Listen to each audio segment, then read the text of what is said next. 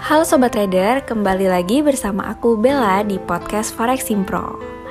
Nah, pada episode kali ini aku mau membahas mengenai trading emas, yaitu kita mau nih memahami apa aja faktor yang menjadi penggerak harga emas. Aku mau cerita dulu ya.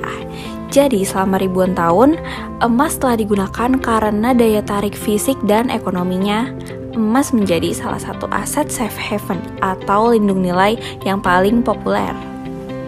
Nah, pada kesempatan kali ini aku mau membahas emas sebagai investasi dan sebagai komoditas yang dapat diperdagangkan dan akan mengeksplorasi pendorong utama aksi harga.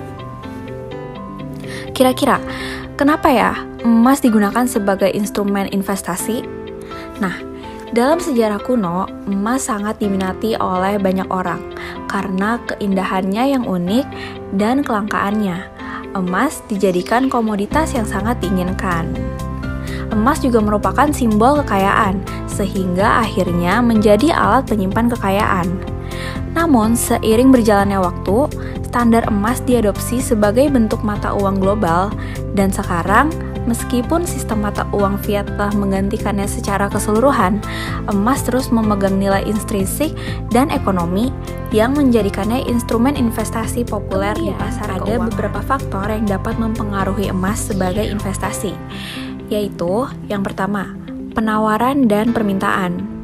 Meskipun sebagian besar komoditas mengikuti penawaran dan permintaan, emas hampir selalu diminati, baik untuk perhiasan, keperluan industri, atau sebagai bentuk mata uang safe haven, yaitu pelindung nilai mata uang.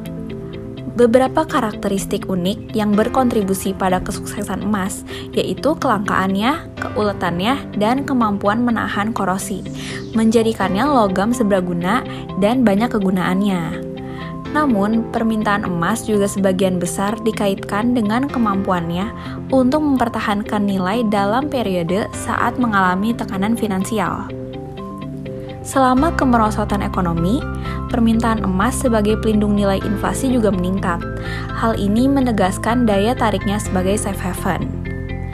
Karena daya tariknya yang luar biasa dan fungsinya yang serbaguna, kita jadi khawatir mengenai pasokan emas. Jadi, walaupun setelah emas ditambang dan memulai uh, proses pengolahan, karena adanya ketahanan terhadap korosi, emas tetap tersedia. Kemudian diubah menjadi emas batangan, koin, maupun perhiasan, dan Faktor lain yang kedua, adanya kebijakan pemerintah atau bank sentral. Tidak seperti uang kertas, emas adalah komoditas fisik yang tidak memiliki risiko gagal bayar dan tidak terpengaruh oleh kebijakan pemerintah. Selama periode ketidakpastian ekonomi seperti krisis keuangan atau ketidakstabilan politik, Bank sentral dapat melakukan intervensi dengan menurunkan suku bunga atau mencetak lebih banyak uang, yang menyebabkan kenaikan inflasi dan depresiasi mata uang. Meskipun hal ini dapat mengakibatkan hilangnya daya beli uang kertas, emas dapat digunakan sebagai lindung nilai inflasi dan menjadikannya investasi yang populer yang selama ketiga, masa-masa dolar Amerika. Karena emas umumnya diperdagangkan terhadap dolar Amerika Serikat, perubahan mata uang cenderung memiliki dampak langsung pada harga emas. Dolar yang lebih kuat umumnya membuat emas yang lebih mahal untuk dibeli oleh negara lain, yang mengakibatkan penurunan permintaan.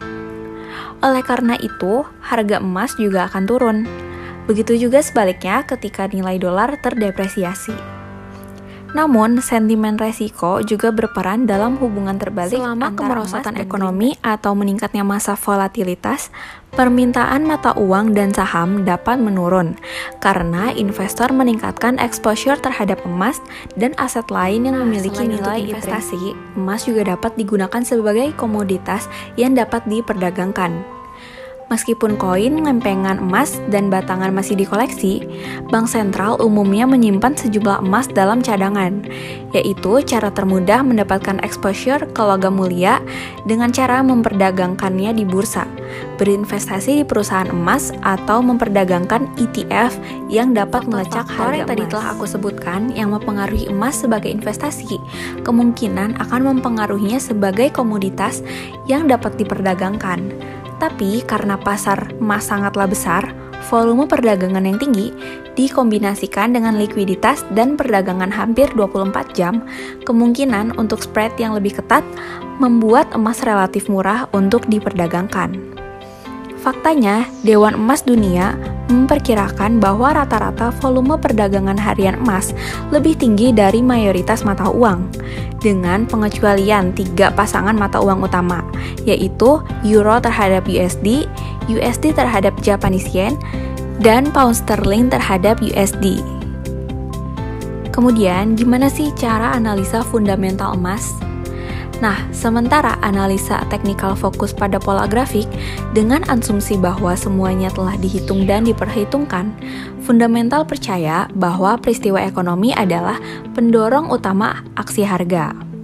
Meskipun tidak ada yang salah, selama resesi atau ketidakpastian ekonomi, perubahan kebijakan sering kali sporadis dan cenderung mempengaruhi sentimen resiko tanpa peringatan sebelumnya.